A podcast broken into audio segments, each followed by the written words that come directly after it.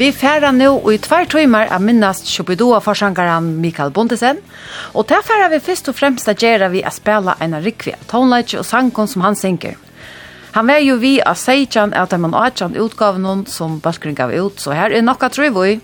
Og det er vi bare, sør. Ja, men sann er det vi bare, og som du sier, så er det tonelageren og ja, sangeren ikke minst, så er det i midtøplen noen hesa på hver kommande tøymanar. Og det er så skilje at vi tverra, ja, vi atle gos jo ikke gjøre en rikve av samrøvun og øron, men vilja ta feien prata for okkara lustar om øysene.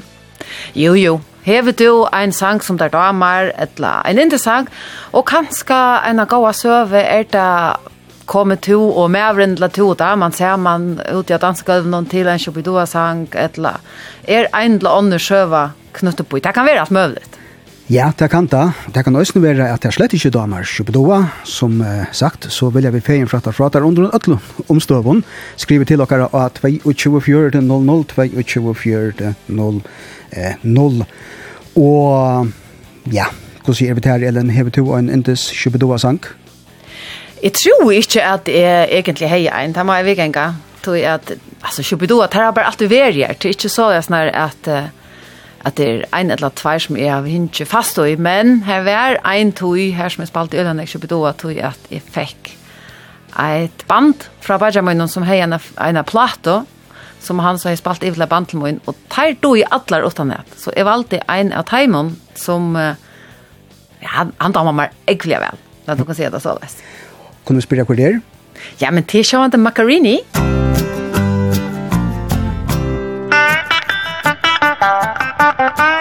kender en skotte, der hedder Margarine. Han sejler en dal i sø. Han har næsten ingen penge, men det var sikkert længe en gamle Margarine er død. Margarine bor alene, han er aldrig blevet gift For en kone er for dyr i drift. Og resten af verset kan jeg slet ikke læse Det er skrevet med en frygtelig skrift. Gamla Macarena har hjemme branderi Han brænder selv sin og whisky. Tolleren siger Macarena ikke må Men det vil Macarena sgu da skie på. Når han fyrer en sæk af piv Kommer slangen helt til liv Over i Loch Ness. Den er helt flag grin Når den gamle Macarena spiller den fra Porky and Bess.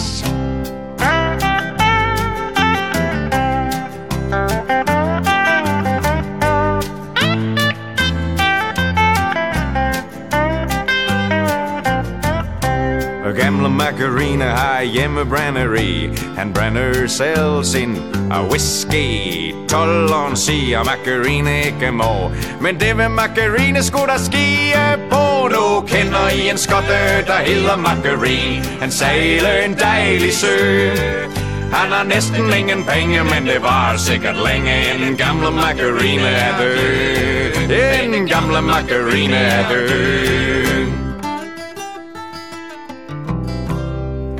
Hetta var og ta fyrst og hittin noen Josh Ubedoa sangren om Macarena og ja, det var snakkar nekkar sangur og minutt og nøkker fjørde sekund og en av dem fyrst som to minnes delen men som sagt hatt ikke en av dem langst og kjån Nei, og hva stod kvui hans dotter? Jeg har en teori Ja, la meg høre Han synger om en skåta Og her er uh, sikst, ekvelia... Sparsomlier. Gyrir. Ja. Så man det ikke være til at uh, man først at uh, spittla tøye plass og på at en lenge sang tar man kanskje en stått At det er gos er vel hoksa. At det er bo. At det er bo. At det er avgjørst et godt bo, ja. Men to æsser, nå må jeg så se om det er som spyrir til. Um, nå spør du meg hver, hver, er myntes best. Hever to en som, som sitter tattast i minnen til det ganske? Ja, til å ikke løgnet mer damer, vel, kjøpt doa mer. Jeg øyer det meste tog der vi giv ut, og jeg har alltid lusta så løs vi gjør noen middelenbilen etter tøymon. Og jeg spaltar vi kvart her i utvarsen noen skal begynga, men den første ui er minnest vi tøymon. Han måtte komme ui 5-4-6-4 ganske, og han har det av til allmenna føreska hitlistan som er at 15 er best om. Jeg var vel at han hitlisten var i velmakten i Øysen i 50 men det var altså en hitliste som byrja i, i 4-5, kanskje 76, 5-76 råkning vi, og i utvarsmenon, så var han vekk i forsen og så var det, men så kom han altså atter i 50 men i 5-76, ta var han sera vel omtøkter, og det var jo en Og liste vi 15 sangen også, som navnet i Østene Sigur, og så det var skole og ungdommer som rådte fire borgen og tog listan og sendte inn kvært og ikke det vil du ha, og det var på. Den gode gamle maten man kortet ut.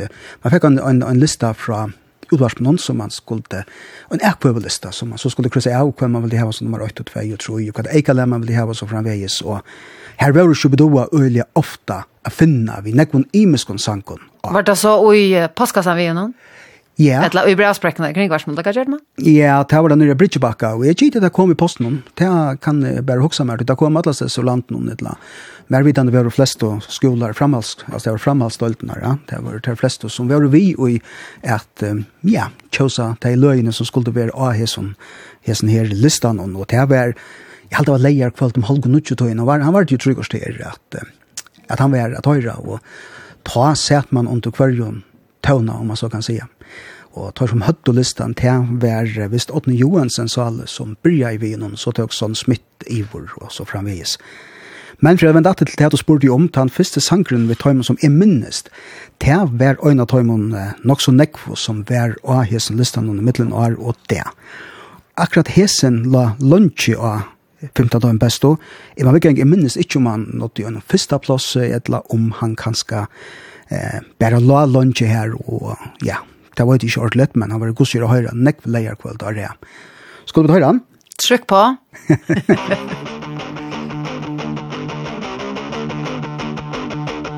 Jeg tatt til hele rød og køber morgen og henter min avis.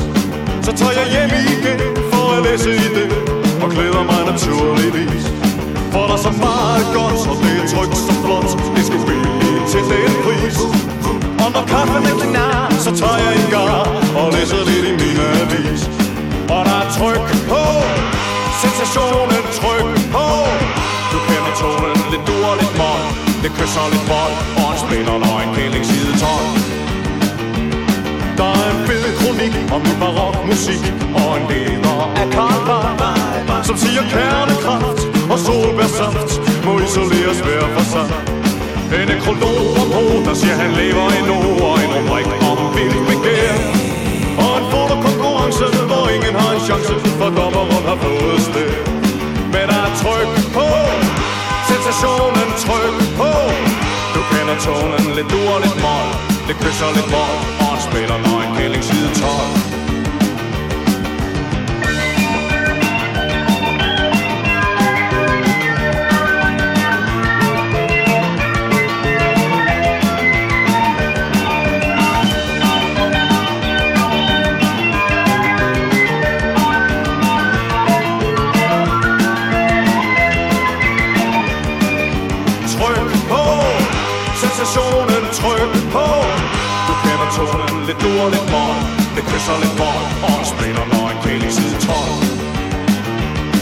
men med guld i mund og hos Øresund Vil bytte guld og dus For en gammel kælk og en halv liter mælk Og et billede af Stirling Mus Og så på sidste side får alt af biler fra Kilo og Barske Bil Og når du trækker mosten i morgen posten Kan du støbe den omkring din side For der er tryk på Sensationen tryk på.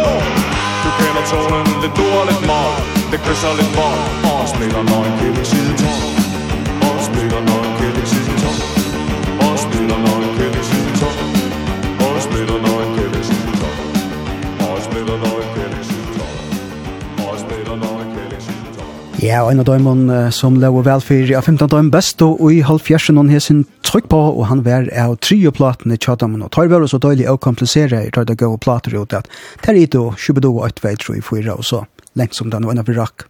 Opplagjan? Ja, opplagjan. Til og vi atjan, og nå vant de ikke til å komme ned nekvar at Men vi nevnte du, Jan, Elin, at folk er velkommen at hun har er skjema vi okken, og Shubidoa hesa på at hun er vidt senda, og Lorsherren, han er gjør seg selv om det galt han til 22.14.00, og vi har nevnt det at tid kom noe godt innkjøtt ikke noen sang til okken, vi Shubidoa, og stortligast er om de skriver løydsende møyren, bare kan slippe at høyre, at det var noe litt søv og knytte at, som du nevnte i byrjanen, Elin, øyne her, ja, Var det minne kanskje? Ja, var det til en shubidua sang til å danse i kinn, kin mot kinn vi tøyner første flamme og et eller annet og tre og akkurat. Man skal alle flammene er hjertelig velkomne. Ja. Men her er en, et minne som en norskere skriver om. Det er jo så nok godt nok ikke vinner flamme og gjør alltid. Hesen skriver, Hallo, jeg og papen har en sang til Shubidua, vi alltid lusta og etter om vi får en lengan biltur, og særlig om vi var nyrre. Tøyma de da spela kri og fred. Musikk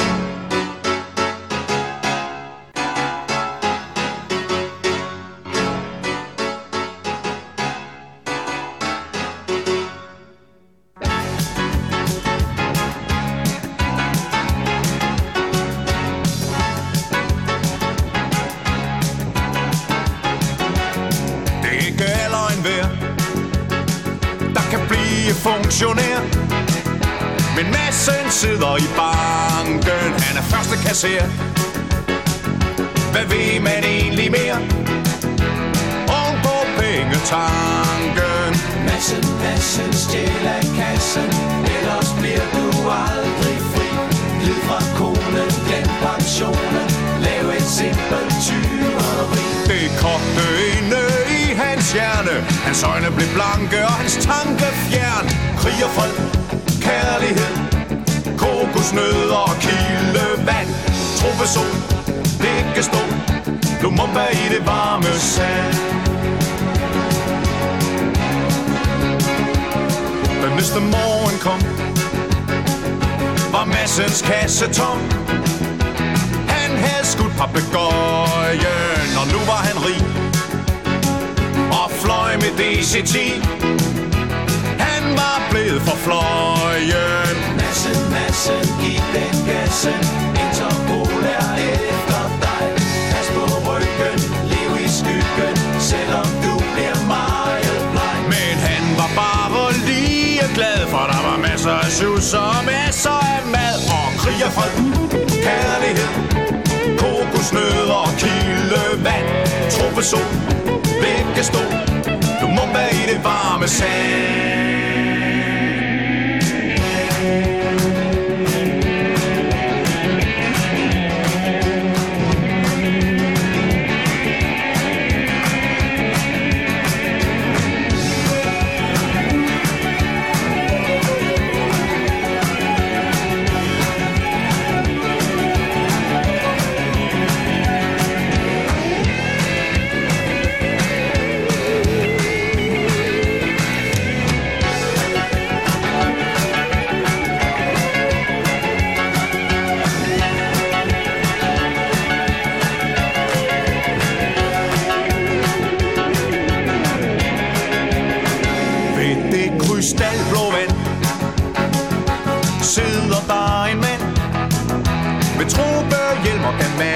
manager, så kommer politiet Tre sorte og en hvid.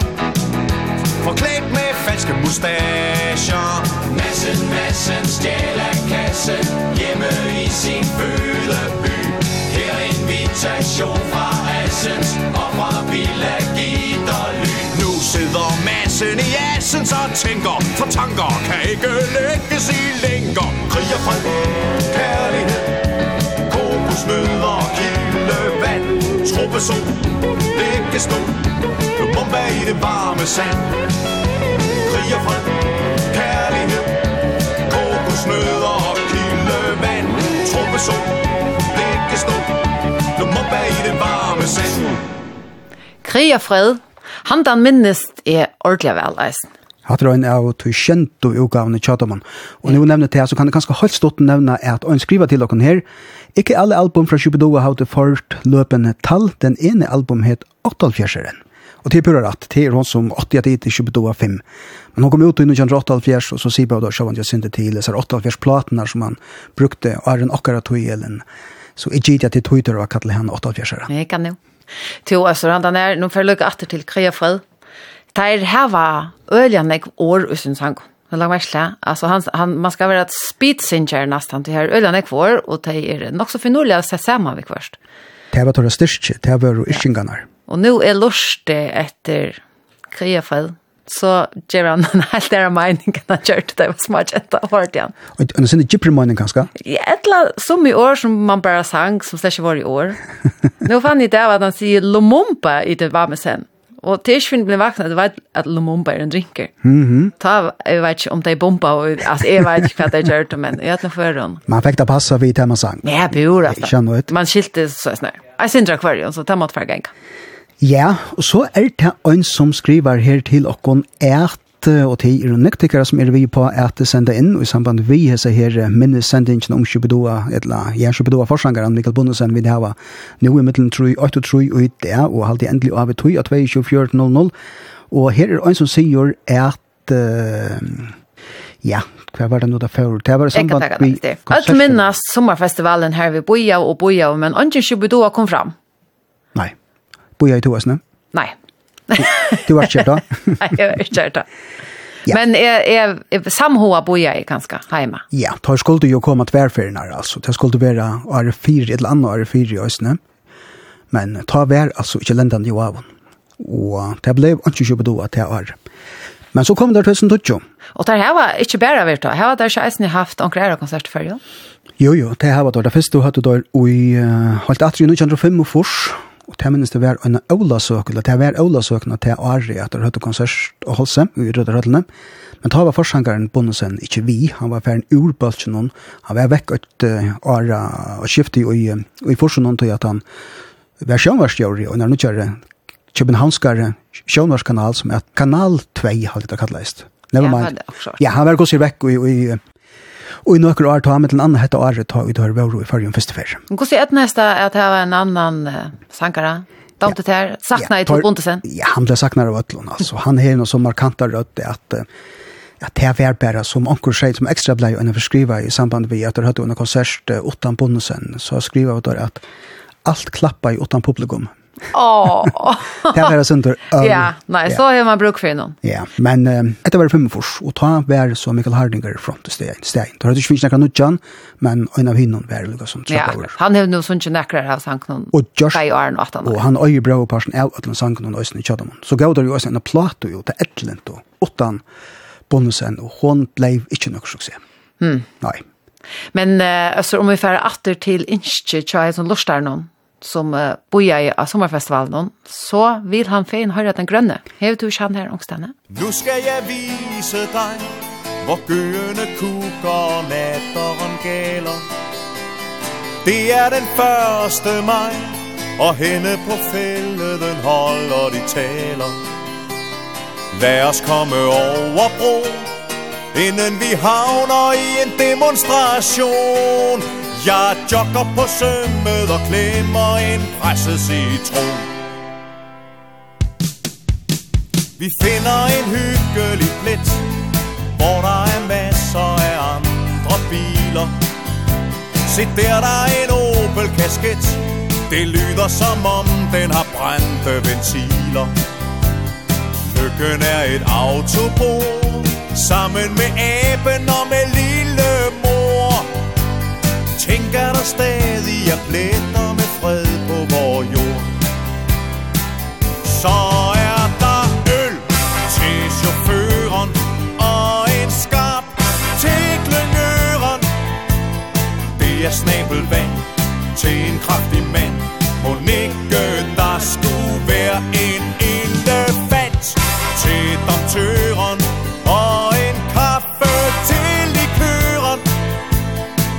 har brug for max Når man kan få laks Og ligge i sin vogn og flette tær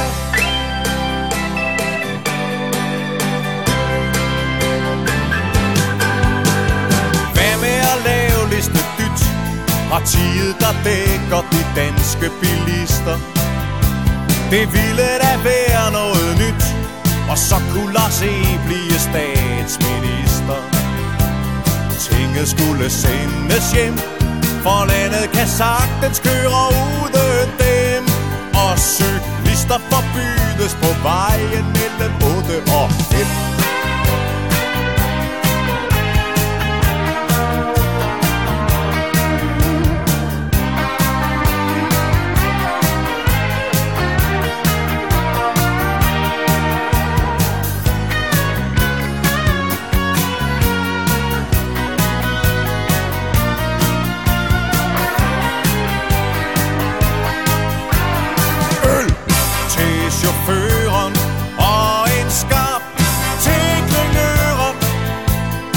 Det er snabelvand til en kraftig mand Må ikke der skulle være en elefant Til domtøren og en kaffe til likøren Hvem har brug for max, når man kan få laks. Og ligge i sin vogn og flette til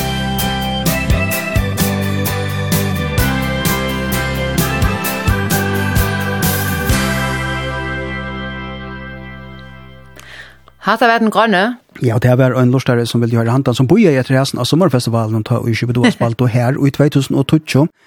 Og det var en av søgnast konserten og i uh, bonusen var vi, uh, Bøtjenon.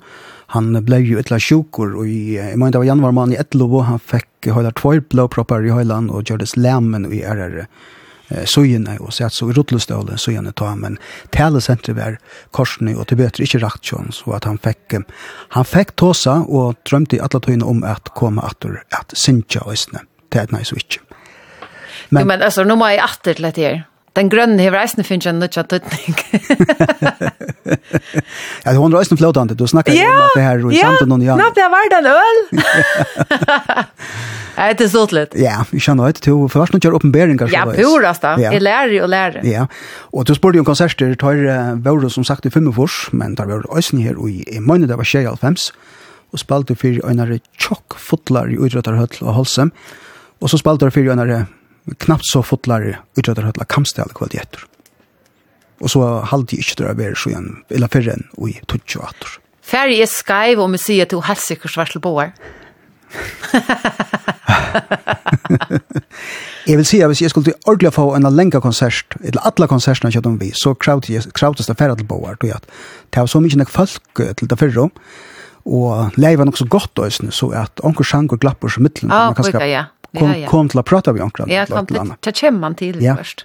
Men det var så happy at jeg kanskje alt kjente onkran å prate med. Så, at, så ta stå stå fremst der. Ja, pura ansam at bil og ta høyla når. Og... Men to, altså, jeg må spørre at jeg vet at det er et opplegg til nasa sannsyn. Hei, du keksvitter? Det hei er ikke. Ha? Nei, det hei er ikke. Jeg minnes heller ikke om at det her vi kekser noen i samband med velen velba og vær byrja da. Det var det sikkert, men jeg minnes ikke det. Hvor er det kanskje sinne være smattner? Ja. Ja, måste det förresten går så vi kexen under kastet och upp till uh, forskaren Bria. Ja. Fortell. Jag vill säga att det Bria eller tar jeg fortalt av själv och gör någon Sean intervju vi under unkar gent och när jag stora smågent som stod holdt framme i paddelen ut vi øremeien. smägen och så inte ut til at lugga som att gjøre näck bors ursar på näkra mat att det var synd om skiljer till. Men det här som sankren kom och han den reklan kom om att kiks vi hade i lommen alltid och synja ta brøttes en annen kataman, og for å bombardere tar vi, vi, vi kekson simpelthen, og på scenen. Og så gjerne ta, her var folk kastet keksa etter dem. Her er et sms som kom inn, jeg må takke til og jeg som samband noen. Han sier, her er en som sier at han hever et godt minne fra Midtfynsfestivalen og Kjøpidoa. Det tar sankeren vel en velbå skulle spilles, så var det jo, som han sier, vanlig at folk kastet Marie Keks opp av paddelen. Og åren der byrja av oss, så gjør det bondesen, at han fortalte folk at uh, tid som boja etter å slippe kasta vi keks, bølgren vil feien uh, komma livant fra oss ner, så vinnerlig ikke kaste i heila pakkar opp. Ok. kaste i keksene ein og eina, og så hadde der trykta verndarbriller. Ja, det hadde du anlig, ja.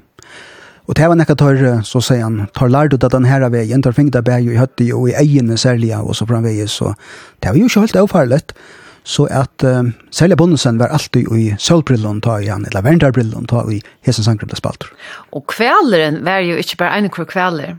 Nu har vi aldrig med fram til okst. Det var en 30 meter lengre pappmaché-kveler som uh, var av, hva var det, zoologisk institutt av Københavns universitet. Ja. Som Bondesen, som, uh, hva sier man, gav Bondesen uiblåster til Velen Velbo. Ja, han, las, han gikk jo av universiteten og, og Jeg kan bare lese versfrøy eller akkurat stå i lukt, jeg minnes det ikke rettelig. Men her var det snir kveleren. Og mer skulle ikke til, så hadde det gjort det. Og i blåster før man atlas det. Ja, og han tar leie i øyer, vi snakket om Hardinger, Jani, han øyer uh, nekv av hytten hon. Jeg vet jo hver atler om å gjøre det. Det var synd så, Lennon og McCartney i ivet og at atler stod og fyrir at det var gjørst det, og tog sjanken hon, men ta alt kom til alt, så åtte han og en større anpast, og nekv var av dem øyren puren atler. Hatta leie i øyren sjølvor, men jeg husker det var alle gjørst just teksten. Og det er også en anker her, som kunne huske seg hårst handa sanjen, eh, ikke så løy, skulle man ganske sagt. Ser det godt, tar det så gauer, skriver han. Velen velpa eh, er en sera gauer spel han. Vi lustar at leser stendur, ja, så var ikke om det nærmengene. Vi tar ungdommer vi og kan skunda så Øster Arndøy for å gjøre.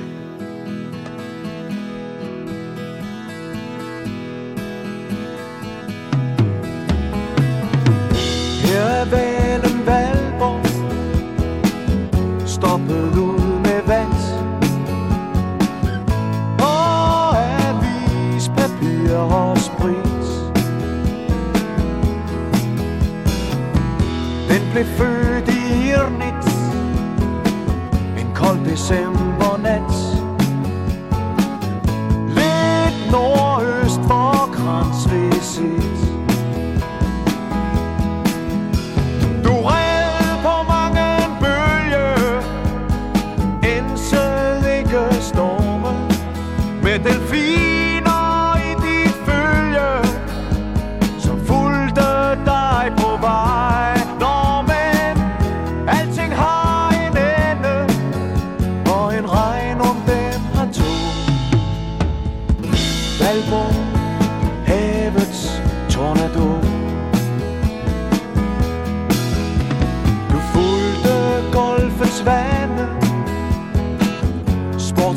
som du var.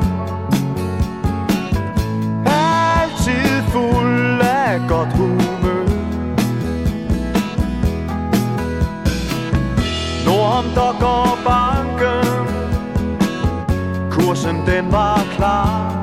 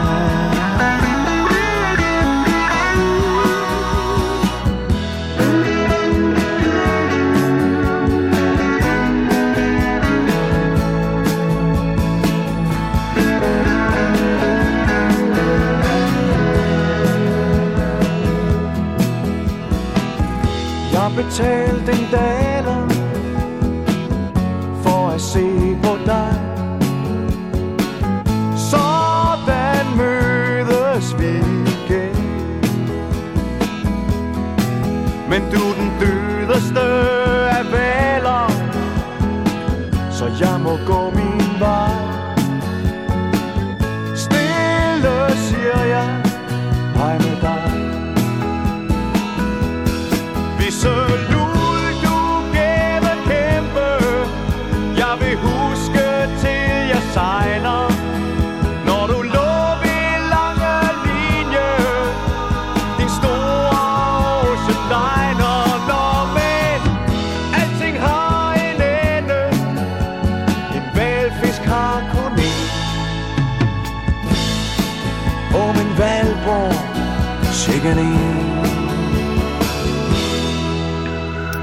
Det var sangeren om Velen Velbo, en av Tøymen Holt Større Tja Sjubedua, og tar heva veri rattelig av nekver mittelen år, og det er det man sier.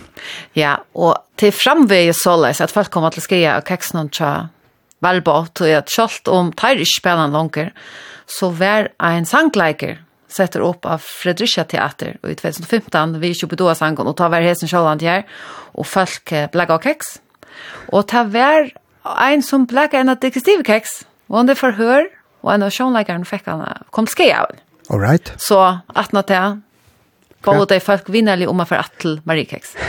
Og i stykkvis, ikke bakom. Hva for keks er de lekket, ja? En av digestive keks, digestive. Okay kjenner ikke ordentlig, men never mind, hun er av de herres lærne og skilje lærne. Ja, først kan leide digestive, og ens kan det digestive. Men du tror du sier, tror du for å si det først, når du chipskeks. Jo, nei, så hører vi den helt ikke. Så hører vi den helt ikke. Nei, man kan bli komma til skje og bli der i en, en, en chipskeks akkurat. Ja, så. Vi vet väl syndrin i Åsen och Johan Elen om att det här texten är chatta man och det kommer vi säkert att vända til. till Gussi utar vår sammansätter i hela tiden och kvart Og jeg minnes det at, eller minnes det ikke, men jeg lyser det på Tjøkken Alfjersene, ta, ta vær nek vær, ta vær røynet vatteltekster, vi, vi skal ikke noen handan øyra, som man kan sija. Det er alltid noen møyning likevel, ja. Men så har vi også, i det er jo gjort der, flere dokumentarsendingar om, om bølgen, og her tar uttala seg sjálfur, og sier det her, at det ble, så først som tar ble eldre, så ble verre og verre at, hva skal man säga, kunne stande innenfor at, at levera sorgar alt for lattar og... Fjakk og fjakk. Ja, fjakk og ta tekster i øyrene og sommene går sier. Og tog, tog før det øyne at jeg kan langere og langere tog jeg gjøre tekstene her. Sommar er at de går sier. Og det er sin neste sangren og det er godt om jo. Hesten er samfunns, samfunnsrefsante, kan man säga. ja? Ja, yeah hetta er han, hetta er han som øyder Askepott. Ja, han teker fætter og i forbrukere samfunnet og forbrukere mentene her som du must hava det rette, annars er du ikke vi. Nei, og det var i fors, øyne fors her som kom ut og ta, var det ordentlig for jeg vinter på seg. Ja, Hette er om Askepott som bor etter prins men uh, han kommer ikke. Nei, det er inte. Då har må tagit Anna skinn og bæk og kjøpe seg krokodillene. Ja, til ett land vi en krokodiller som var så jävla när framme tar vi tog inne. Det var Lacoste. Lacoste mest. Ja. og det er eh, tog jeg her vart röstna. Ja, Jordan Sankom jeg jag lise om det här att hämta texten där tog alt annet å gjøre. Sex chikaner tog 20 minutter. Bare sitte vel, Bare det var ikke grovskriften der. Nei, jeg vet helst ikke hva det skulle genga så lenge tog, men der finner ikke hente han jeg sita, og der vil du ikke gjøre han ut, utan der finner han sita, så det som tar vil du heve han. Og det er jo også de som Det er også det som vil jeg høre enda sannsyn. Jeg skriver øyne at 22 har vært pastor av løyven og største alt i. Jeg kjenner nær om alle tekstene utan et, men kanskje Askepott er tan, øyne tan beste sangeren tjadamann. Jag kan inte annan över det. Nej, jag tror han är otroliga penor och öliga gott lä som Mikael Hardinger har gjort. Så lät oss bara lägga öra till hese här voiserna om Askepott nästa, eh, nästa lötna. Elina runt på golvet Dansar Askepott Skönt håret krøller helt perfekt På både knoll og tott En tårer i smil som ingen andre ser. For hvem vil se på en som ikke ler Stakkels askepot Der nåede din mor og far Har glemt at give dig som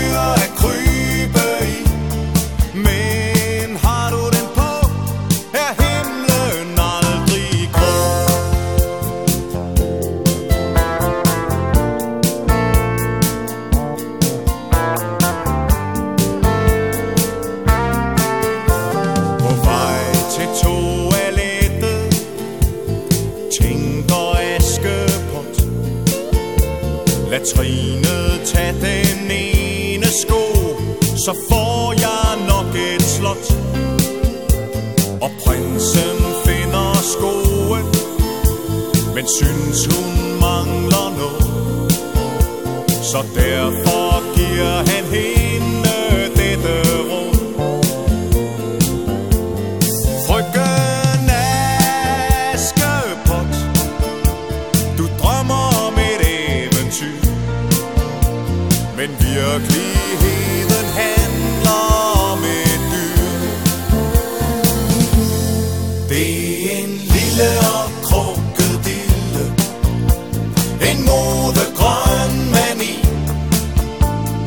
sidder lige der Hvor hjertet banker Det kan få i så og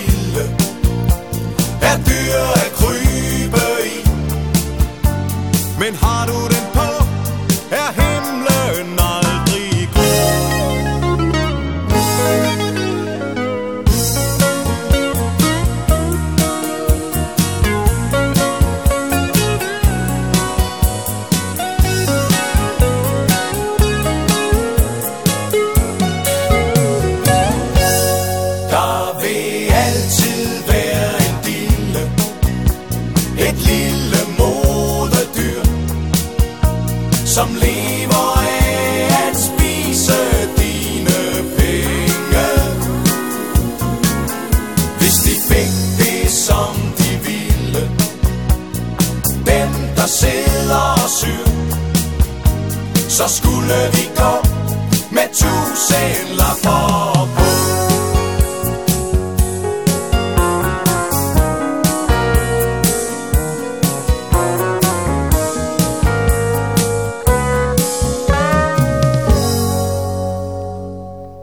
Så fikk vi noen visdomsår vi av en om uh, kjølsalit. Ja, yeah. det kan man stått og si at det er som sangren og snir om, om man ser krokodillene som varst du ikke i en klatnaplats her hun stod enten av buksen eller av brinko eller at lige det var hjerteslå som du synes Ja. Så varst du ikke noe særlig. Det var sånne polo-kjørster. Ja. Og så en løy til uh, krokodilla av Mr. Ja. Søy. Ja, hon var um, hon var det halvt stora och i några få år tog han första forsen från John John og Charles Fors og tvei tru år fram så kvar var nattor. Men først i forskjellen, det er spørningen om heser her våre og i La Coste trøtjene litt til. Her er ein lorstar som skriver, ta åker for til HM i fotball i Spania i 1902 fors, hørte du vidt og sunko I wanna be free like a Canarian, sender jeg, ja, tja jo bidua daglig.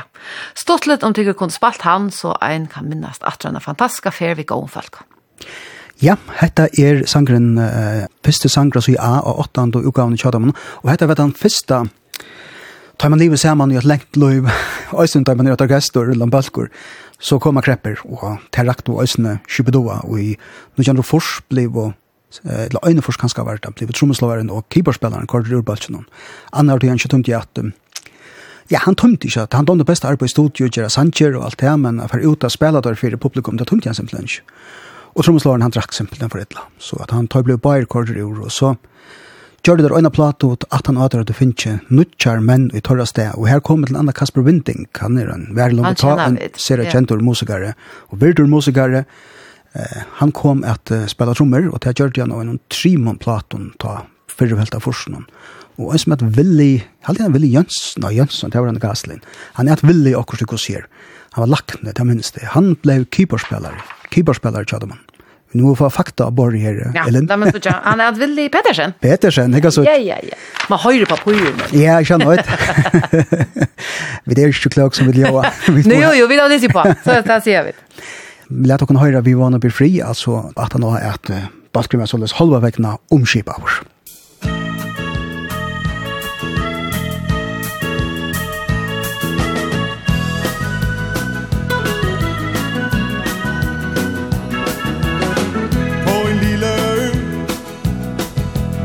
ved ekvator Hvor de dyrkede ham og frihedskamp mod en fæl diktator.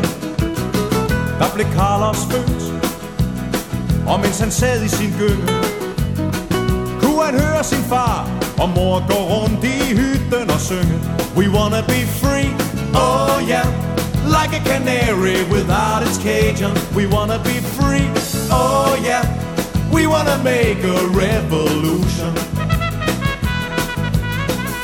alles voksede op, voksede op Og byggede slottet i sandet Og blev kold og varm, når han så Camina gå i vandet. Hun var smuk som en brun, smuk som en brun Og lige så brun som en neon. Og der var op til flere, der fik sjov idéer, når hun var ude at spacere Carlos lærte Camina den sang, han hørte, da han var spil Carlos han sang for Camina hun someday We wanna be free, oh yeah Like a canary without its cage on. We wanna be free, oh yeah We wanna make a revolution.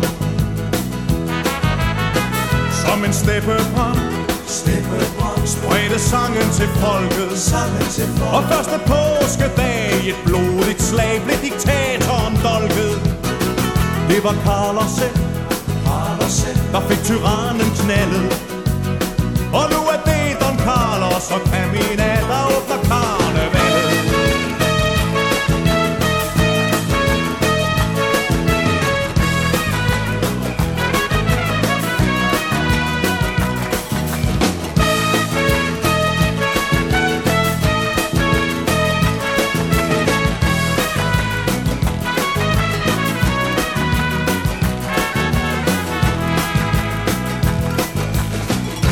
Hverken gods eller guld. Eller gas eller vand. Kan gøre bager til slagter. Bager til slagter. Og selv en donkey man Går ikke i land Fordi han får en traktor. Carlos går endnu Går endnu Og bygger slotte i sande. Slotte i sande. Og kan ikke forstå At de bliver taget igen af tive vandet Men oppe i bjergene står der en dreng Ved sin faders grav. Han synger sammen sang Som Carlos fik i år I wanna be free, oh yeah Like a canary without a And I wanna be free, oh yeah I wanna make a revolution. We wanna be free, oh yeah.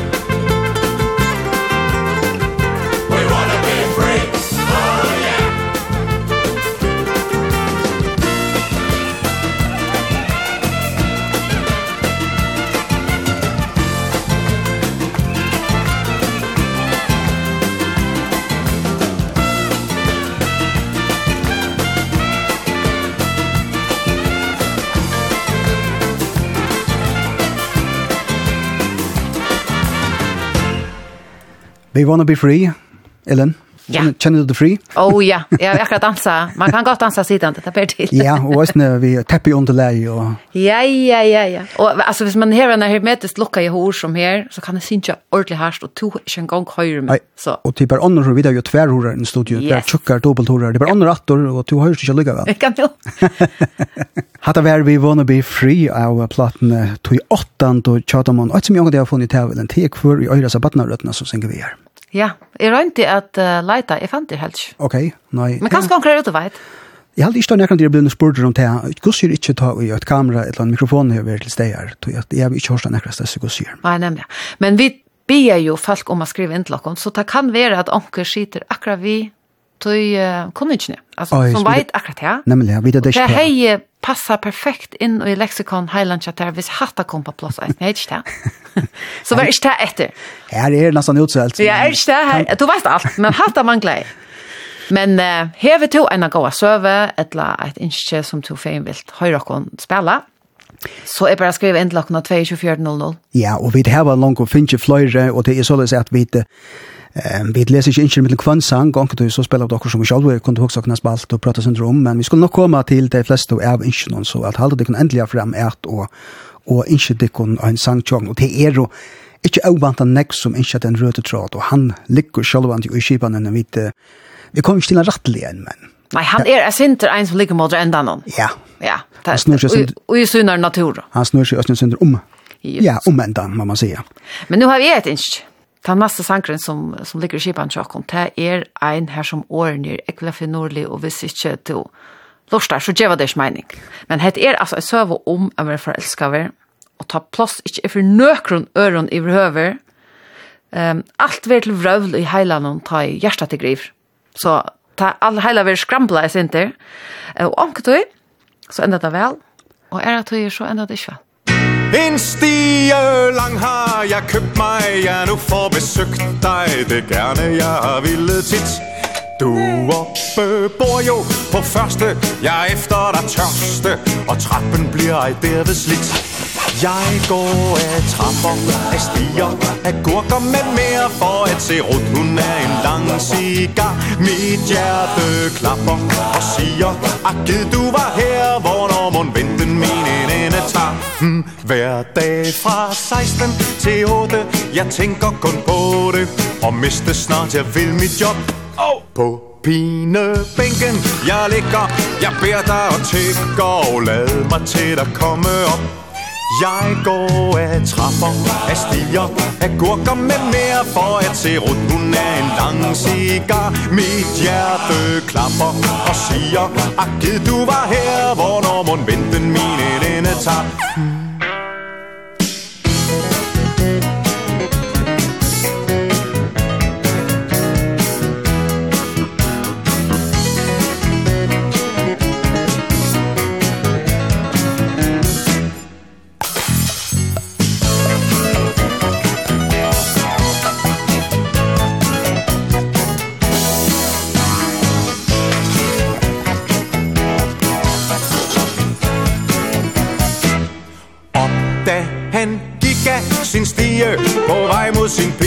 fire I østen stiger Olsen op.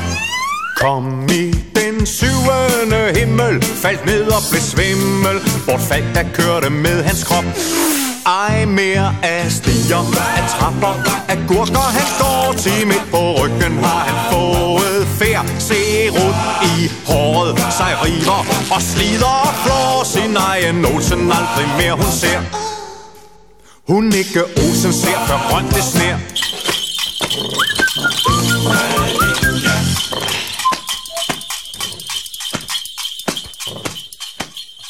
Gå vite hva det gjør her. ja. Da, fortal, da fortalte du jo når så, eller i en dokumentarfilm jeg sa at uh, sånn her jolasangren kjøtt, man tror gjørst øyte at man holdt større og nesten mest spalt og jola hitt noen uh, nere den himmelblå, og her begynte å spille og så gjør klokkespill. Og det var klokkespill som stod i gongen i studien her der. For det meste tog opp på Frisberg, med instrumenter og alt annet stod, ja, en ærestess. Men så sette der, så sette der en mikrofon oppi i vår, og trutcher mans måtte spille i sen, for jeg får til å leve som det vil. Ja, ja, det er ikke bare bare å spille klokkespel. Det er åpenbart ikke noe. du, altså, her er et, et minne til tog inn. Jeg spalte sammen med Øster Ekomst og sa at han tar trommen her. Det kom fire at velen velpa av hver sønnen, minnes du til å spille her. Hmm. Det skal helst passa, ja. Det skal helst passa. så er det en annan som vinner dere nå, at uh, faktisk kan du fære at, at Lacoste er modernat. Oh. Så du kan kjøpe etter en uh, krokodille. Ja, her er en som har kjøpt seg når gamle sånn og kjøpt seg henne, akkurat nå. Hega switch. Nå det är det at allt det här farna. Och kommer kjossa litt sammen ved krokodillen. Ja, och allt det gamla och farna til at kommer attor. Det var ju så snart där. Och inte nytt om salen tar uh, heva ikkje gjørst nekvar uh, kærlåsandsjur ikke bedoa. Ja, nekra, ja, nekra power. Hentan her, hetta var øyna av tøymon. Nu tar jeg nu lorsta jeg ordentlig vel til teksten. Så vet jeg selv, så vet jeg selv om det tar mat i at de gjør en kærlåsang på.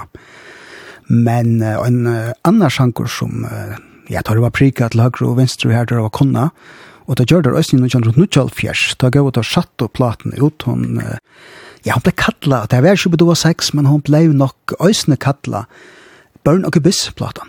Ah, okay. Det utan av var og Gibbs. Ja. Hver burn, det var alltid också undan. Hver Burn kom fra, det var inte ordentligt, men det var så källan han fick.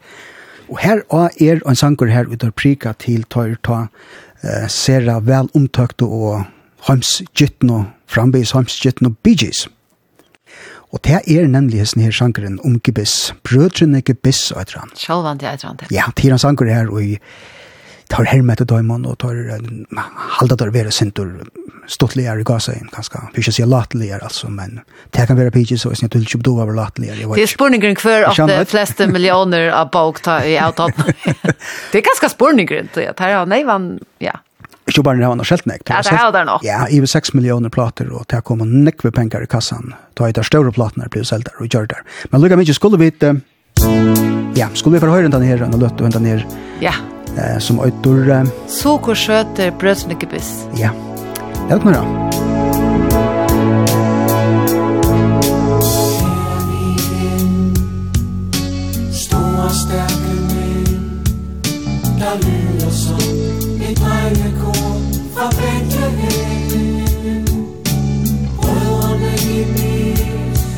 Tar det høy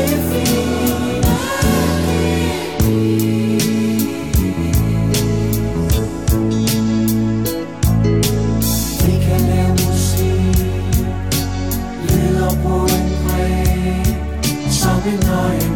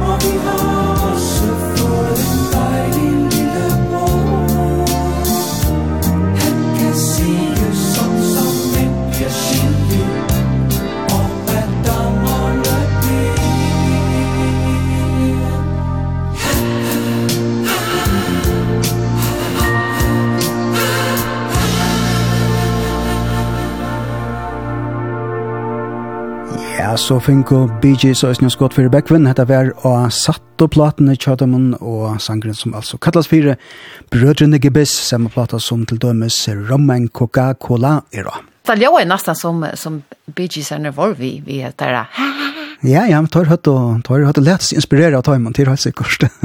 vi får etter ut om dansk og landåttene nå til, nå får det snikva seg om den turska bilen. Ein uh, lortare skriva til okkon. Kjøpedoa hever alltid vært her. Som Askepott tåsa vi til småborgerlige, så kjer folkavåkene til eisene som refsar etla roser danske småborgerlighetene.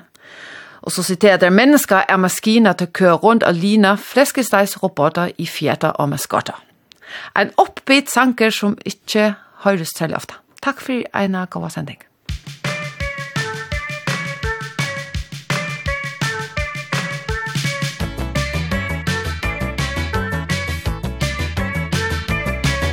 Hvis jeg havde penge, så skulle I bare se. Så gik der ikke længe, før jeg fik mig en VV'en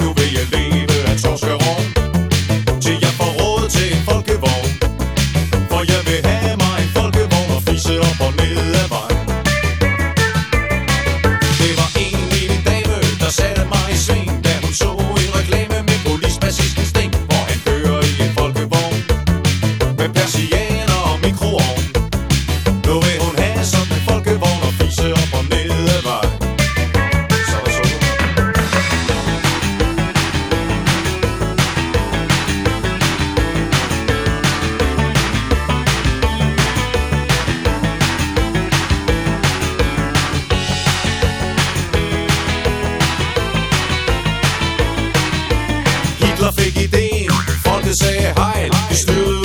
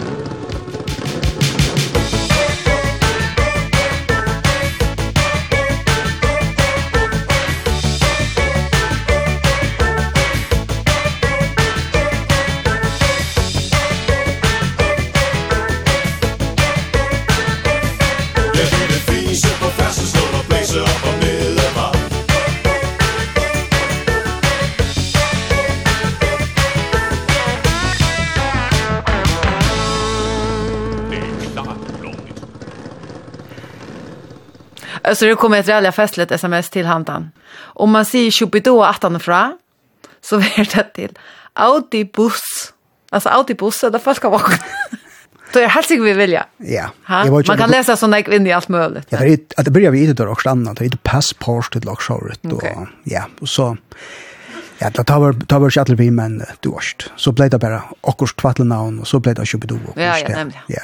Du vet, etterlyste en sankare, Janne. Han er ja, kommet. han er kommet, lett å høre. Er du, har du åpnet de røtte skuffene i leksikon her? Ja, ja, ja. Han som stendte til å synge sammen med Bondesen og I Wanna Be Free er Benjamin Holk Lassen. All right. Nå kan jeg skrive det ned, men det vet jeg ikke at han er. Han er jo omgang i Hørstom, det må jeg ikke enka. Um, vi får til det neste innskje. Her er et lortet innskje kom inn som sier «Håast er og vinkonner var og unger til det, så lortet vi det til Kjobidåa». Tværa og kom var flott til Danmark vi for eldsnån i kreppetøyene.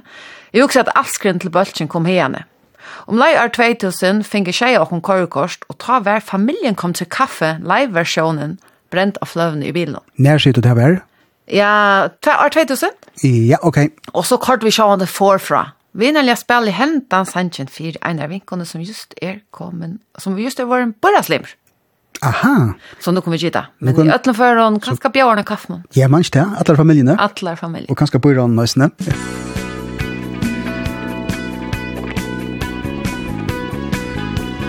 Han passede på, det var ikke med vilje, at hun blev gravid, og han fik familie. Det var sommer, det var sol, og det var bare for sjov, og det var ude i den grønne skov. Men sket er jo sket, Og livet går videre Og hvem kaster sten? Når fuglene kvidrer Så de byggede en rede i den store by. Og boede på en lyserød sky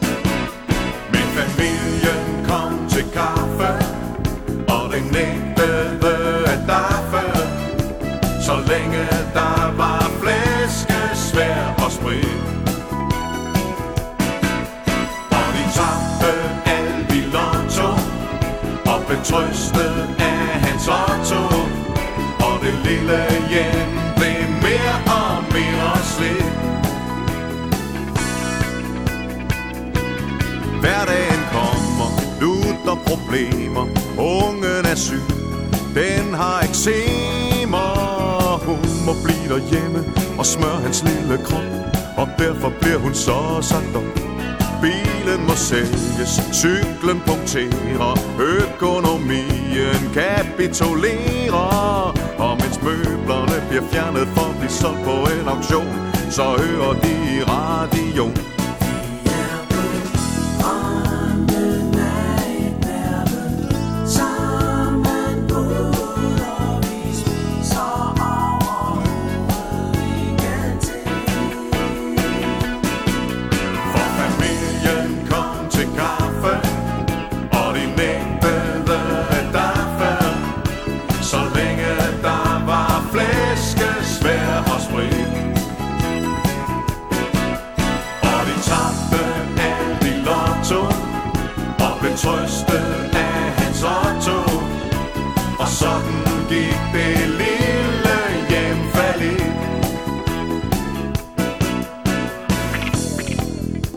en dag gik de op i ministeriet og sagde, Mine damer og herrer, hvad skal vi gøre?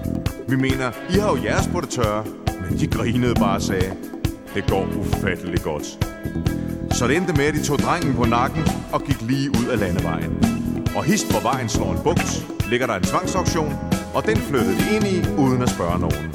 Og hver aften sad de ude i haven og lyttede til de vilde violiner.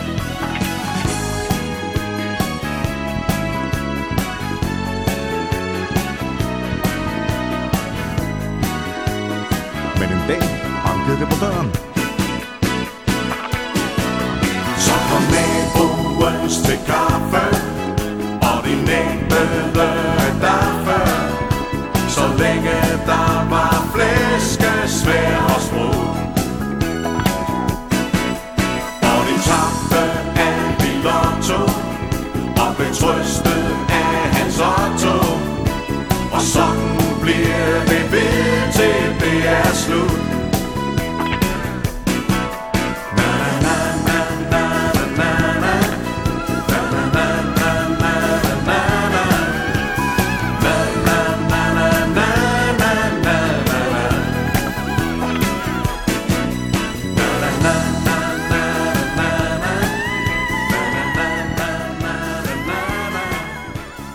Hetta var en sangur ur 13. og ugaven i Tjata sama plata som, eh, ja, sexikanen og sni er oppi av, som kom ut i 1992, sni familien kom til kaffe, og jeg tror nesten fyrne sangur. Han hei et lite godlegg inni, og jeg leide mest til at det var en annan sangur som gamte seg inni i øynene. Her var en sanker i sangen, ja. Det er leid mest, leid mest lukket av hver for en sanker. Manchester Carpenters, Top of the World. Det er mynt i om han. Ja, gjør det da. Og kom inn på Stitchkov, ja. Ja, skjønner du? Du, ja, nå fer jeg halv opp med sin nere så hjørnet. Nå kommer en avlukkelig gala sanger. Ja, hette er, hette er en kærlagsanker, og hette er en av dem som er nere i hjørnet, og som er sin nere avlukkelig, er ikke det? Jo, det er det. Men det er en parstad, ja. Det er eisen parstad kærlagkanon. Ja. Ja.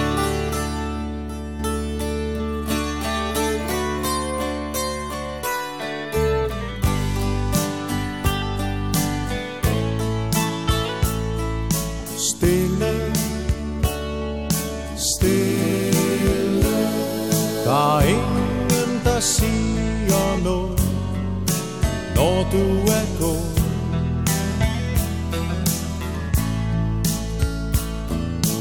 Ene Alene Det værste den forladte har Er minderne om det der var For vi kunne flyve Og landede blødt Og vi stjæl som tyve. Etter av assuts Husk at du det bildet vi skapte sammen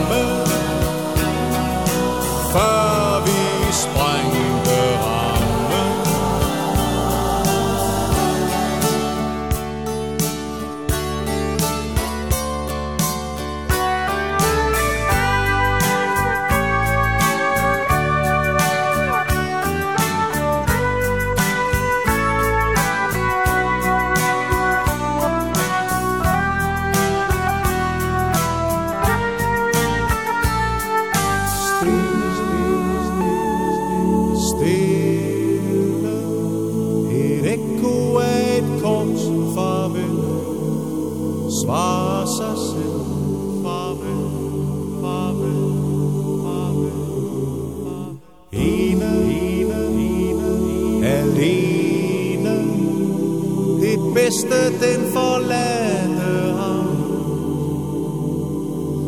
Det er altid det, der var. Det var de få minutter, der føltes som år Der hvor intet slutter, og begge forstår.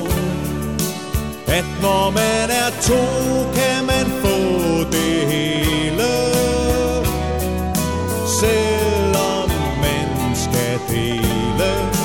kunne flyve Og landede blødt Og vi stjæl som tyve At det der var sødt Husker du de højder vi nåede sammen.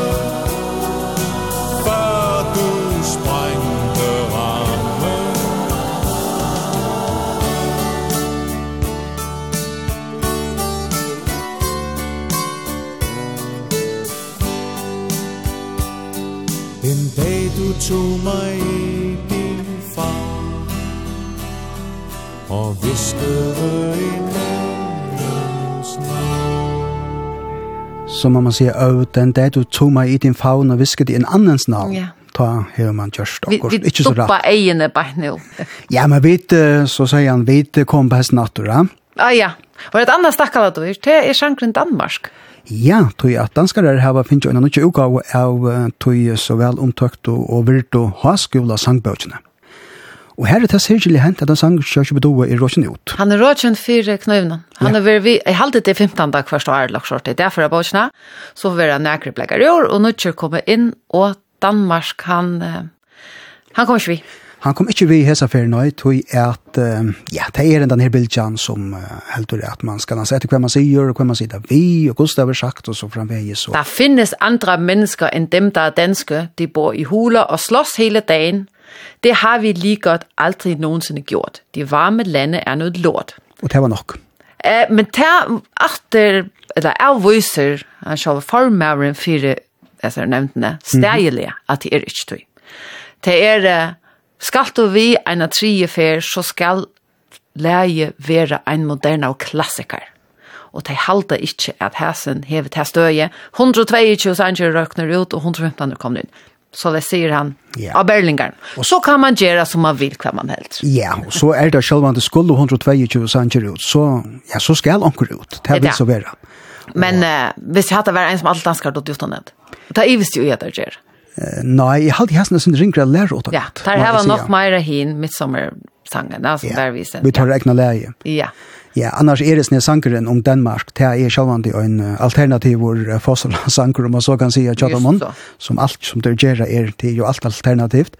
Og da sier om han at ta ut av Jordan sangen, ja, så var det som en, og sen drar han opprøp og sen drar han en progatest til samfunnet, og ja, det var for rottelet, det var for skiten, det var for fantalt deres det, så solen stiger opp over bilkirke, gården, gården, og så går jeg, altså. Så han er ganske mer på at han tog? Ja, ja, ja. Det som man nå lukker som, hever vil at pojke etter, tog man nå høre pojke etter, det var jo slett fremme, det var ikke oppfunnet. Nei, just så. Og hans nere formeren og utvalgsnämnden i världskapet nu omsätter jag direkt. Han säger att i bogen är det sanger som er nekv meira fornærmande enn hentan stuttliga vittigheten til Shubidoa, sier han så. Læt dere nøyre. La dere nøyre.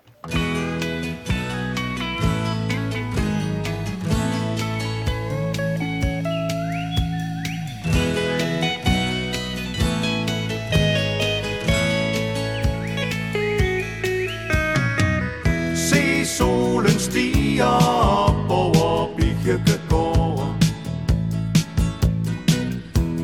og malkepigen pumper sin gæld Mens præstens kone står på hænder for sin bror. Og kløvermarken står i flor Stokken er en dejlig flyver Koen har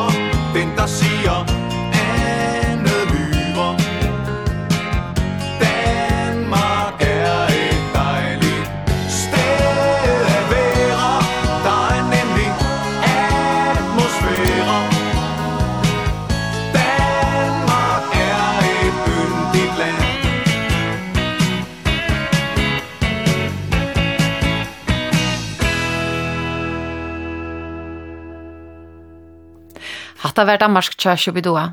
Ja, et ærvis i Danmark. Ja, som det så ut i 1988 da i hette leie kom ut, det ble gjørst, ble gjørst og kom ut. Nemlig. Og Janne spalte vi sannsyn om krokodillene som jo snur seg om møta, og hese neste som ligger klarer, han er øysen om møta, og han er øysen om platen som kom om som tøy, jeg minnes ikke om han er at tøy som, ja, her kommer det øysen inn og etter her vi møta noen og på tar egna mata.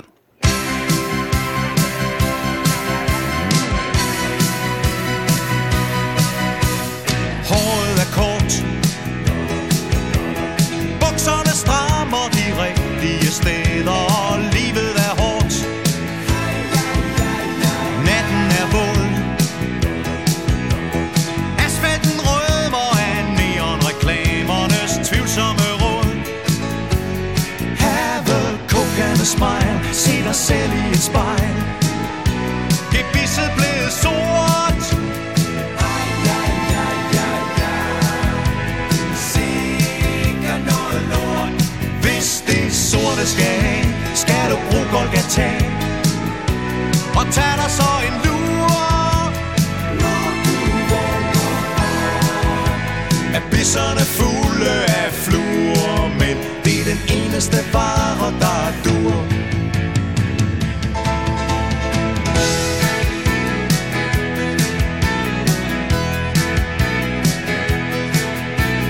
Minus til plus. Den suger så meget, så man bliver helt tør i halsen. Bajer og sport. Tag dig en øl under kampen, så taber I dobbelt så stor tyranni Det er demokrati. Må man lugte af sig selv? Nej, nej, nej, nej, nej. Det hele skal dufte af ven Følg med strømmen, min ven. Uden at vide hvorhen Reklamen viser vej. Du er verdens bedste forbrug er den eneste vare, der dur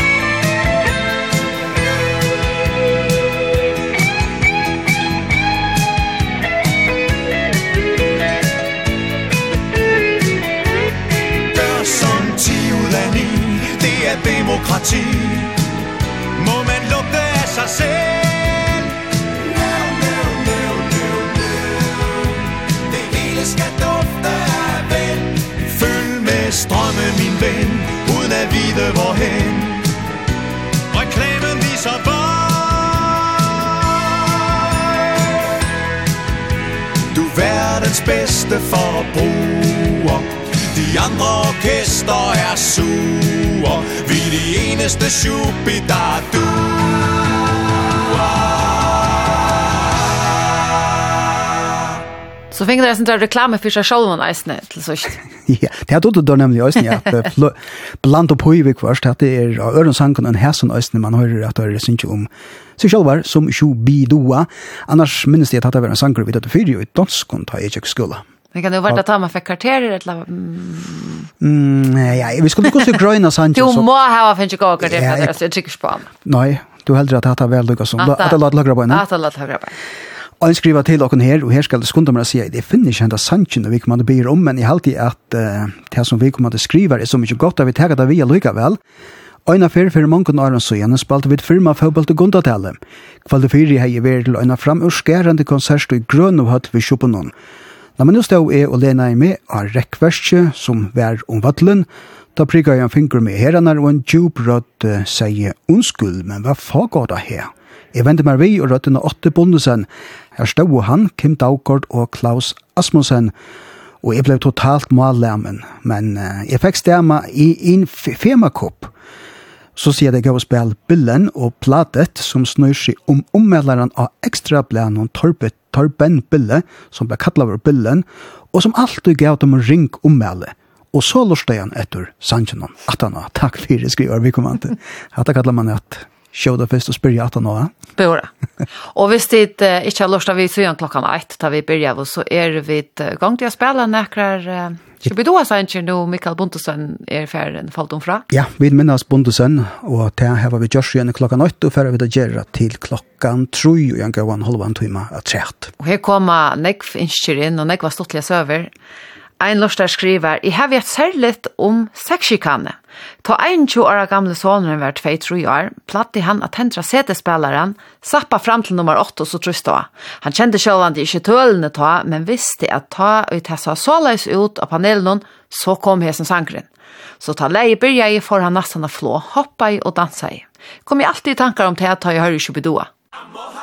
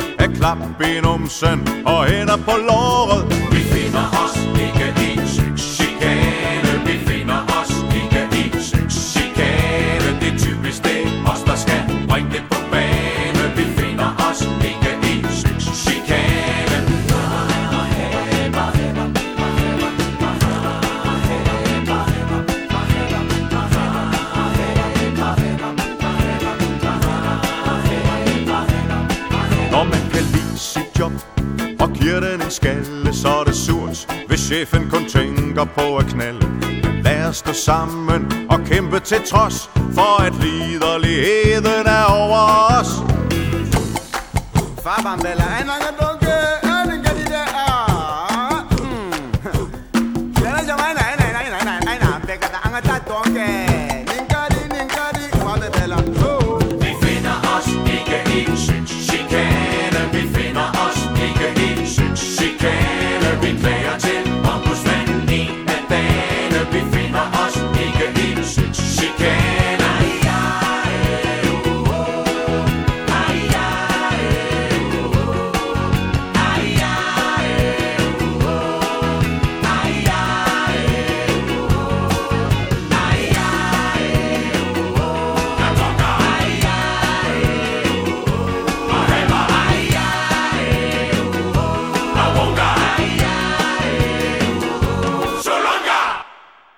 Ja, det var sjankren om sexsjekanene, og hetta var en av tøymen sangen eh, som det tok nesten omgang tøy, omgang til å gjøre. Teksten gjør det Mikkel Hardinger på et øyeblikk, 20 minutter alt. Men det er jo også om, altså, nå tar jeg løgnet vi har spalt, Her feres du i ødlån sjankren, og i ødlån tånleika, altså, alt man kan hoksa seg om her, alt fra, jeg vet ikke, reggae til pop til... A cappella og... Ja, og klassist, og tar ferast mm -hmm. veien. Ja.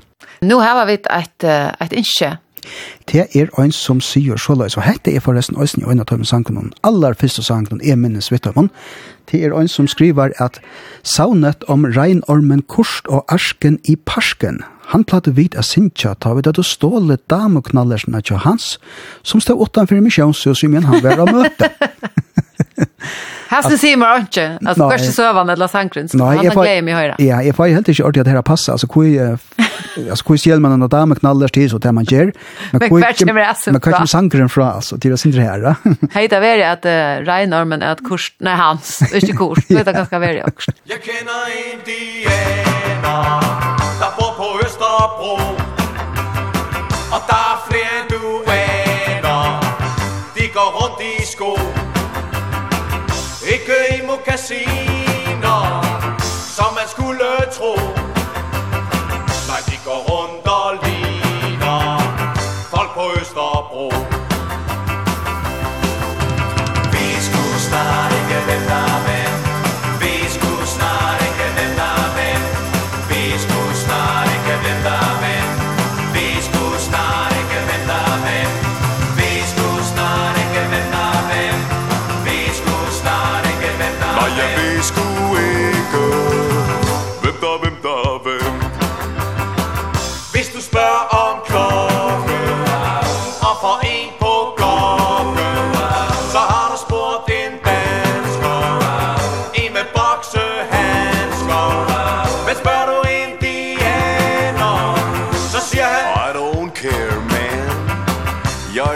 Mr. Amerikaner Hør nu bare her De kommer her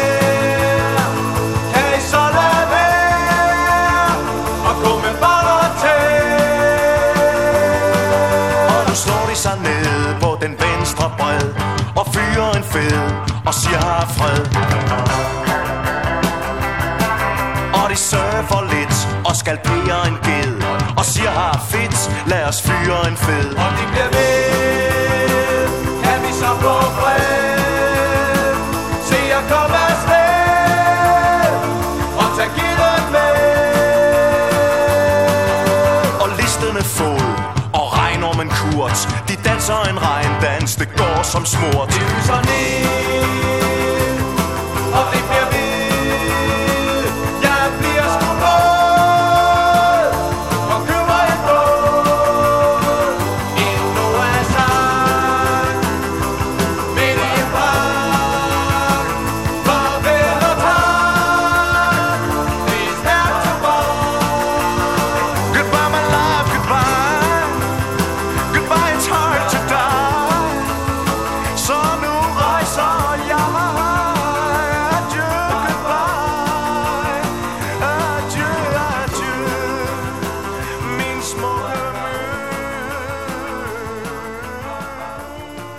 ur til neste platene der gå ut 22 og ur henne væres ned sangeren som Akkurat mittlen bare at jeg kjenner Indiana, men han øyder altså saunet om reinormen kurst og arsken i parsken, akkurat hva det møgnes vi ta.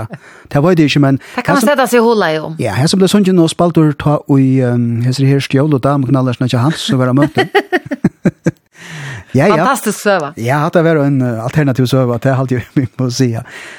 Det neste er òsni en lydelig fett søva til en som sier så løyes.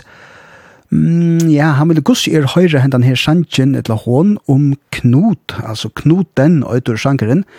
Og det er det her vi at når jeg kommer inn går blomsterne ut, som vi kommer til å skrive, skrive en finurlig sanker, eh, om den her knut som ikkje har gjort så inn i hals røykneløyv, så skriver vi kommande i Øsne apropos La Costa, så åtte er en knallgula sweatshirt, uttaler det rett? Sweatshirt. Sweatshirt, yes. i forsen hon, men fann ikke til at hun var Porsche, for enn hun var litt litfæren og kassera. Ah. Og en døylig blusa, skriver hentan, i lesen øysene. Og let dere bare høre henne i sannsjen om Knuten. Du sier ikke av Horsen før, eller? Jeg, jeg kjennes ikke vi navnet, men jeg skal lure meg om jeg synes vi om en liten litt.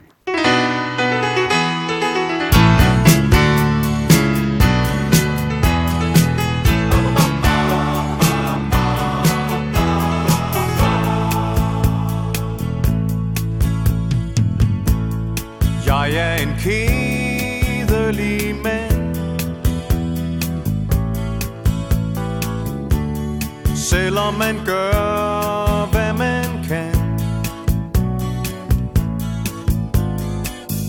Og når jeg holder fester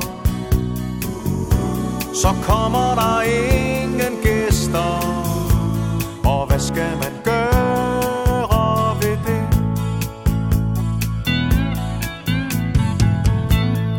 Jeg bor til leje hos mor.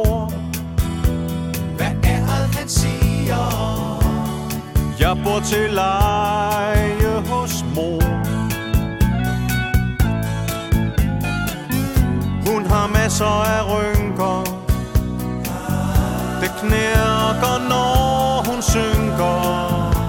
Og hvad skal man gøre ved det? Man skulle se ud som Ham der rock ud som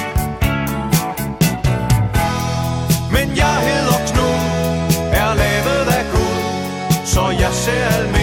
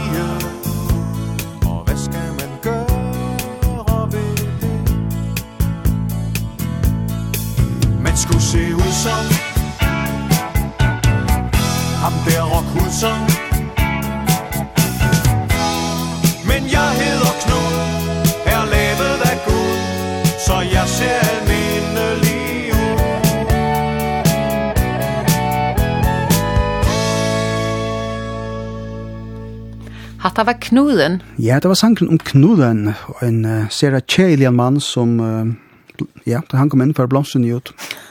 Faktisk fallna av deg? Ja, det er det de mener. Ja. Når blomster går ut av dansken, så fallna av ja. deg, kjenner ut. Men jeg, jeg er jeg sinter her, jeg har alltid hatt en sang over sin kjell her, vil lov å si det? Ja, det er man vel lov å si det. Kan man det? Ja, det er alltid godt man kan. Eller her, jeg var ikke en han kjell, han bare sinter anonymer han. Ja, så sier han ikke alt godt til glidrar, hatt det var kanskje et av tog godt som ikke glidrar. Det er næste.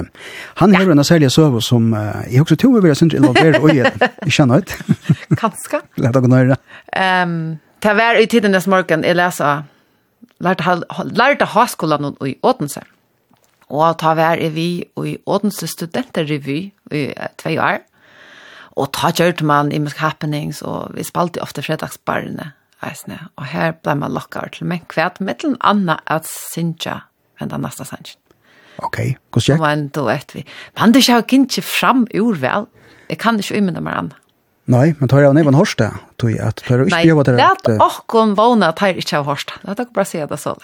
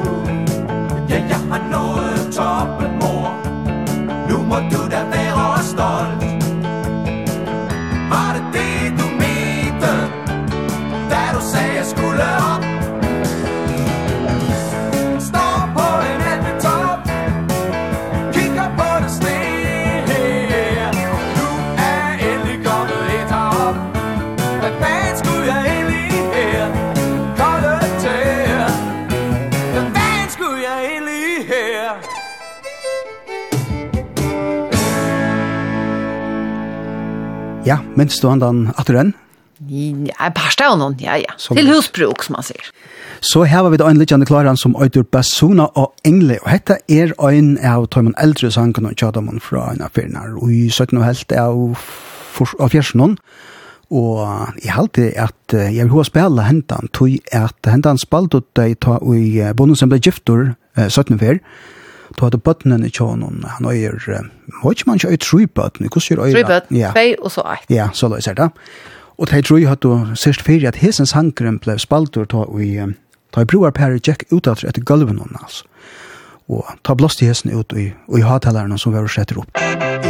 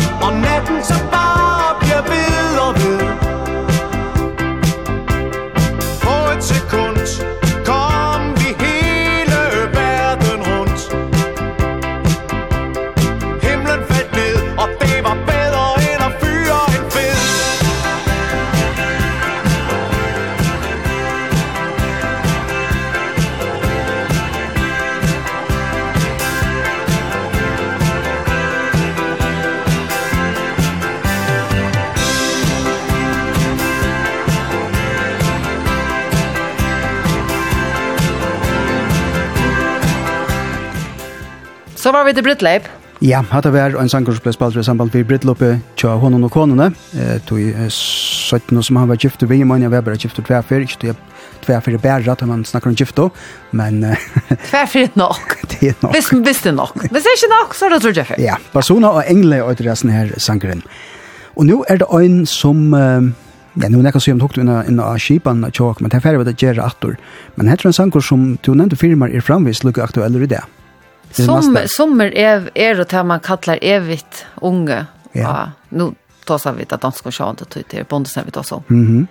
Hette her vi at folk venja og venja og færre venjinger med og skulle være så kløn og flott og lekker. Kanskje skal man ikke være så klæner nu, men man skal være ekvelig av alt rymmer og så gjør. Og det her var det her sjåvand, jeg snedde mening og ikke bedå. Musikk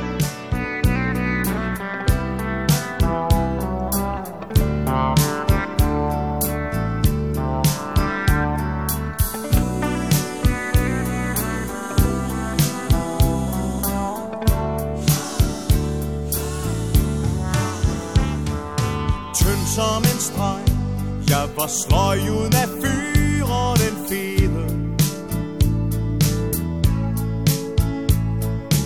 Rundt om mit lår kunne jeg have mit armbåndsur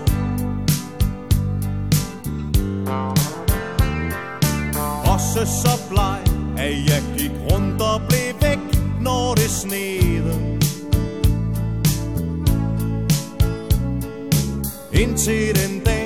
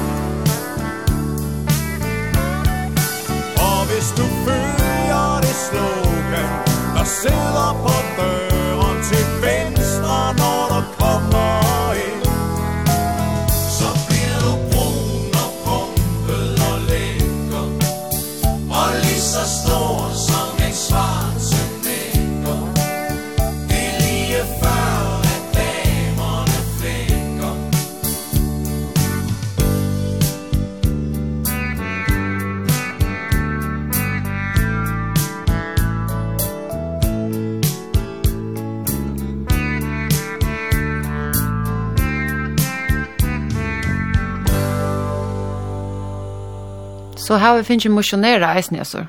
Form og filor. Ja, og som du sier, han ta kunde ta samma vi i jar och vara lika brandaktuelt. Skal vi ta också sms? Ja, jag hade vi skulle ta Gussi er eit kanskje tvei her, er ein som sier at bondesen var han sera frintlig med vår, jeg fikk høyre enn av at jeg kan være av 2012, og Det var sera stottligere, det vent og hverjon åri jeg sier. Vi var dagen etter konsertene når han fyrir vi bate, vent det høyde toskatravor og byrsor vi fingo einar fjördi altrus fiskar og einar femtan fuglar. Attan avfører vi det heim til moin at eta ånstoktan lomvia. Det ljóa som, at det var som just ablut helt. Men her er eisen en annar som har hitt bondesen. Jeg har snakka vi bondesen i kakkanon. Jeg skulle kjeiba mer enn øl. Ser han ikke folk var her inne. Bondesen sa at han fyrir med, og jeg bjóa jo noe fram om. Men han var høflig og sier nei takk, du var først. Men bare finner vi et øl, og vi flente enn løte saman vi kvarsnar øl. Men da var velkjøp i doa, Ein sanker er om en modell. Jeg har glemt navnet av sangen, og det er akkurat vi danser med tungen. Han går og stortlig sanker. Takk for en god sending til minnes om bondesen.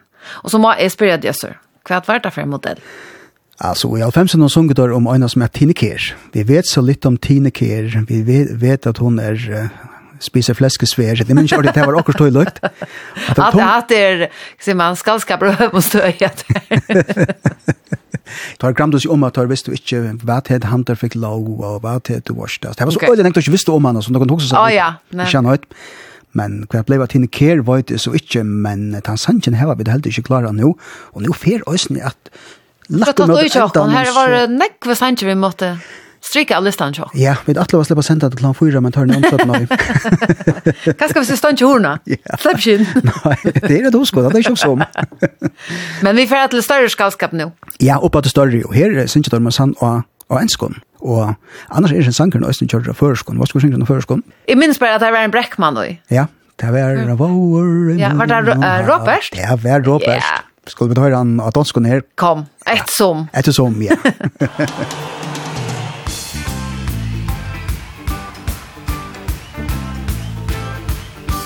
There is a dog shit in my garden. When I cut my grass The dog shit is no longer in my garden. It is a sitting on my foot so Smell like a doggy's ass. And that is not the smell of Elizabeth Ivy You can have women and cookies and strawberry. But there is nothing as bad as a doggy shit No, no, no, no, no Go bip, bip, but then there's me at I was said a monkey man Oh, no, no, no, no, no, no, no, no I was said an auto Oh, no, no, no, no, no, no, no Was it an Ufermann? Was it a superwoman? Never. Superwoman don't know how to shit. Den må vi bare have en gang til. Så I alle sammen med, så siger vi som om I ikke har hørt. Was it a superwoman? Never. Superwoman don't know how to shit. Det er bare smukt. Sådan er det. Og was it a rastaman? I was it a pasta man. I was it a walkman I was it an airline man. I was it a kella man. I was it a kella man. Maybe. Was it a doper man.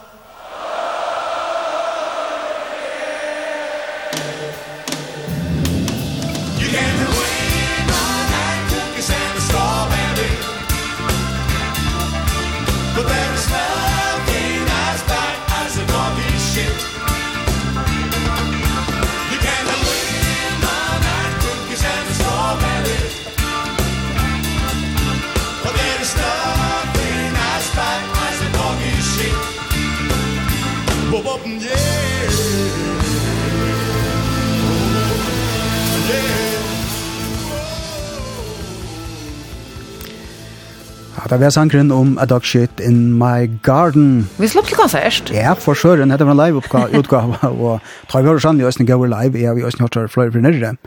Det er det her vi at um, vi har standa av paddelen og få og ta i öll sinja tunn sang opp til tunn kan man säga. Det må være fantastisk. Det må være fantastisk. 20 000 da, Mosa Ja, ja, ja. ja. Du, nå har vi kommet her til at nå nu är det strengt, hva slipper vi att träd. Og här ja. är det två sjanger som har funnet flere inskjer. Ja. Och som vi själva det att låta kunna spela och den første är ju mitt som tar jag leie till men inte ordet. Jag hade er en av dem som har tid i högskola sangbøkken. Ja, härsen är hæsen var i sangbøkken, lengt och en torgjørt og leie ja. till han men så var det de som heldt at han var sindur avsangbærer, den gamle, eller den gamle leie. Det var sindur tungt, og folk hørte ilt vi at uh, sinja og i takt, eller kjør, eller hva man skal sija, og Ja, men så var det, hvor skulle vi ikke bare gjøre et ordentlig letland av sangen som er sangbarst? Jeg halde det faktisk bergast ennå, for ja. det skal være det rette lei, men hette så tarra le, og her er en som er yngste som sier, hei, jeg tjekka skipsførerskola i Marsdal og i Fors Einefors, oppe i seneste fadje Sjolvan Sankt Hansdag, og hverja fer i høyre midsom, midtsommervisen vi kjøpte doa, kjennes det en fel av latta som Tama fikk prekv.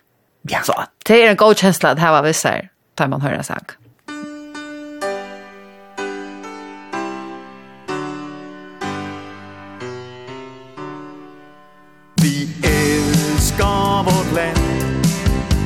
når den sinede jul. Tænder stjernen i træet med glans i hvert øje. Når om våren hver fugl over mark under strand Lader stemmen til hilsene triller sig bøje. Vi synger din lov over vej.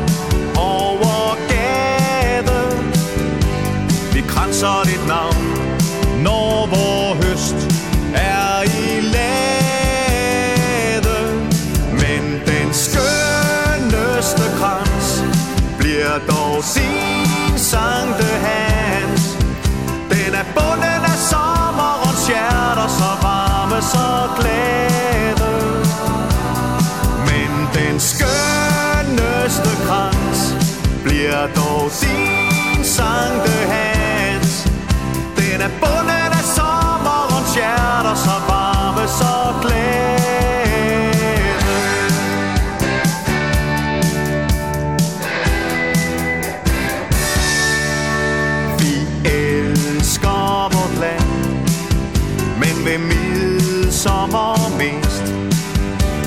ser sky over marken Velsignelsen sender.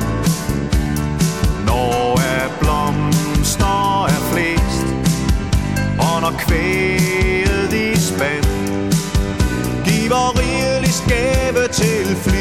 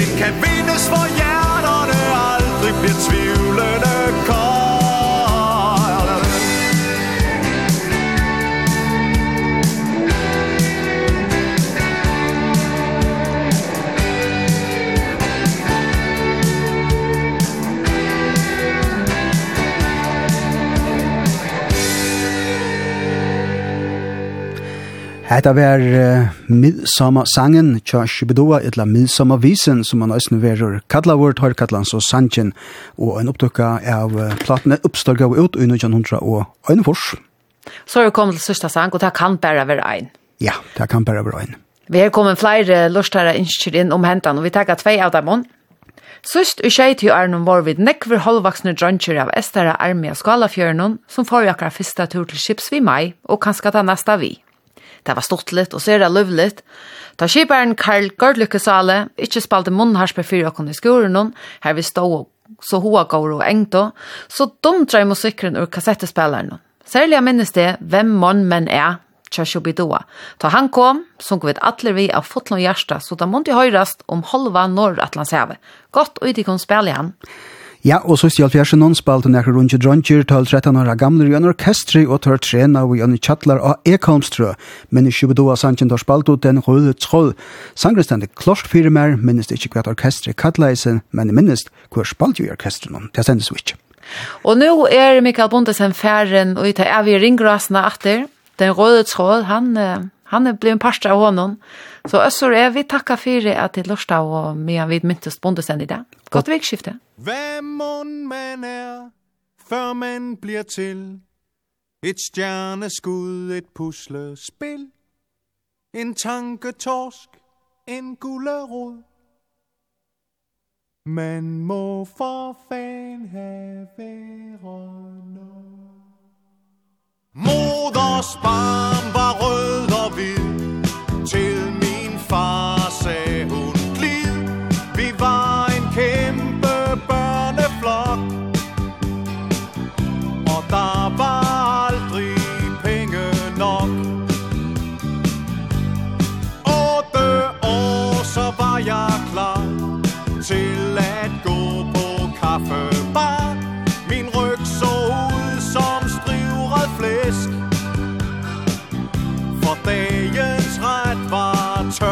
faktisk Jeg voksede og koksede Jeg fandt en plads i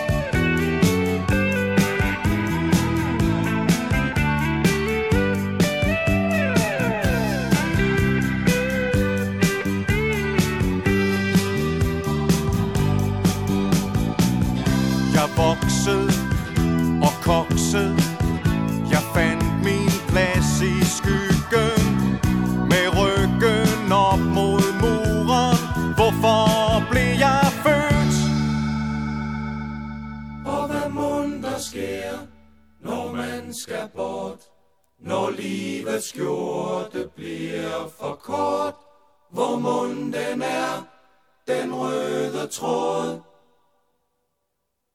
Man må for fanden da blive til noget.